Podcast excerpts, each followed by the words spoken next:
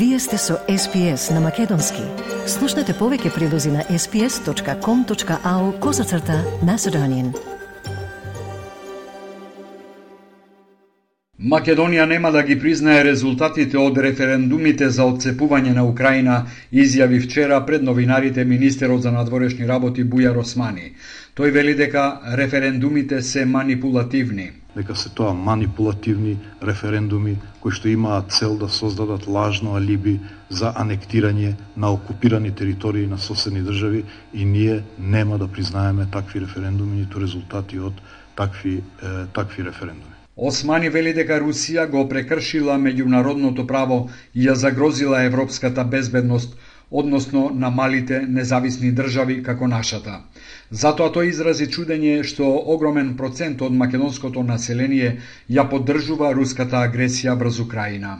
Ме чуди што на анкети гледам дека 25% од македонски граѓани мислат дека руската агресија во Украина е оправдана, мислејќи дека ова битка помеѓу два пола во светот, а ние сме страна која што која што е неутрална. Не, ние не сме неутрална страна, ние сме директно загрозени од рушењето на меѓународните принципи кои што не штитат. ЕУ за сега нема донесено единствен став во однос на визниот режим кон руските граѓани, а Османи рече дека Македонија се придржува до европските одлуки. За односите со руската амбасада тој вели дека политичка комуникација и односи нема, дека немал средба со амбасадорот Базникин, а протоколарни контакти преку службите може да има. Заканата од употреба на нуклеарно оружје во руско-украинската војна го извади на површина прашањето дали Македонија има соодветни скривници. Директорот на Центарот за управување со кризи Стојанче Ангелов за ТВ24 рече дека дел од скривниците се целосно запустени, нема осветлување ниту вентилација или пак жителите ги пренамениле во подруми. Системот за известување и тревожење повеќе од 30 години е нефункционален за жал. Ние како Центар за управување со кризи по моето доаѓање за директори информиравме владата за оваа состојба. Минатата година повторно информира владата и покренавме барање до секретаријатот за европски прашања до европските фондови да ни биде овозможено финансиска подршка за целосно нов систем за известување и тревожење, бидејќи постоечкиот е до толку нефункционален што тешко дека може да, да профункционира. Сепак Ангелов е оптимист. Тој вели дека во случај на напад, земјава може да смета на поддршката на НАТО алијансата како неизина членка.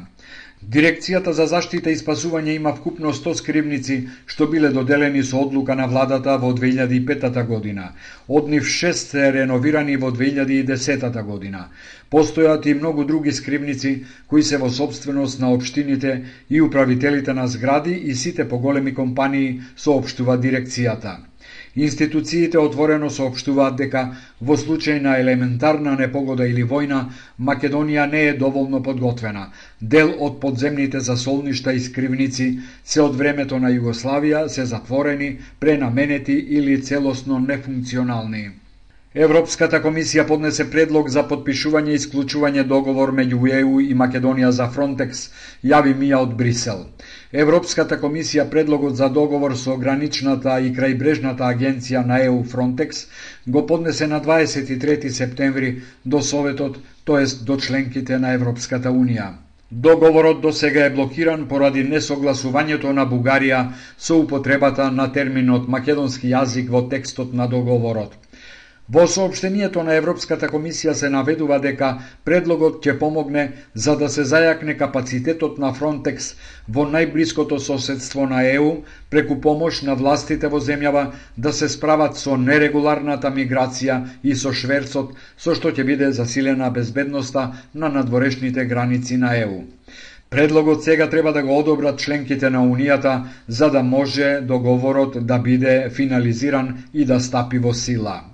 Стопанската комора на Македонија информира дека сме далеку од нивото на туристичкиот промет пред пандемијата. Сите други земји ги достигнаа бројките од 2019 година во туризмот. Хотелите на езерата во Охридско и Струшко имаат намалување за 140.000 ноќевања во споредба со 2019-тата. Даниела Михајловска, портпарол на комората, на пресконференција изјави. Вкупниот број на туристи во првите 7 месеци од оваа година, споредено со истиот период 2019, е помал за 127.000 туристи а, или за 260.000 нокевања, што е пат од 30%. Ако се анализира каде нокеваат странските туристи, 94% од реализираните нокевања на странските туристи е во хотелите. Е сега ако се земе во предвид па дека имаме пат од 30% а, на странските туристи и нокевања, очигледно и евидентно е дека е сериозен негативниот ефект врз хотелиерството. Скапата струја и недостигот на кадар и натаму се меѓу најголемите проблеми. Ана Таневска Георгиевска, председател на Сдруженијето на угостителите при комората, ја истакна важноста од инвестиции во туризмот. Инвестиција во 4 кревети за сместување на туристи представува еквивалент на едно вработување. Соодветно, проектирани мерки и политики може да обезбедат дополнителни сместувачки капацитети за 60.000 кревети До сега Македонија не го искористи потенцијалот на регионалните пазари, ниту пак на домашниот пазар, забележа Таневска и подсети дека единствен сектор што може да ги надомести економските загуби на краток рок е туризмот. Двете најголеми спротивставени политички страни ВМРО, ДПМН и СДСМ и вчера разменија вербални престрелки овој пат на тема образование.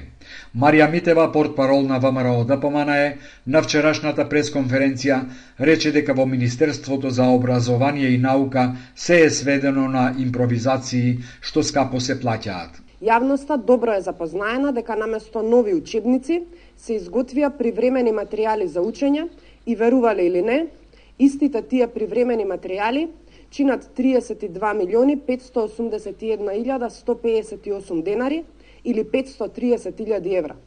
Половина милион евра се плаќаат за така наречени скрипти, кои ќе служат еднократно се покрива неспособноста на власта на, време, на време за да се обезбедат учебници и се создава простор за профит на поединци. Даниела Николова, пратеничка на СДСМ, исто така на пресконференција, рече дека откако оваа влада е на власт, во секторот образование се постигнати најголемите резултати. Од овој месец, платата на околу 32.500 вработени во основното и средното образование ќе биде повисока за 15 Тоа е зголемување во просек за околу 3000 денари по вработен. Од преземањето на власта од страна на Социјалдемократскиот сојуз на Македонија, платите во образованието за 4 години порасна за 21%. До сега реконструирани и изградени се над 80 основни и средни училишта. Николова додаде дека и во време на светска економска и енергетска криза, владата и институциите предводени од СДСМ се грижат за животниот стандард на сите граѓани. Стиснете, ми се допаѓа, споделете, коментирајте. Следете ја SPS на Македонски на Facebook.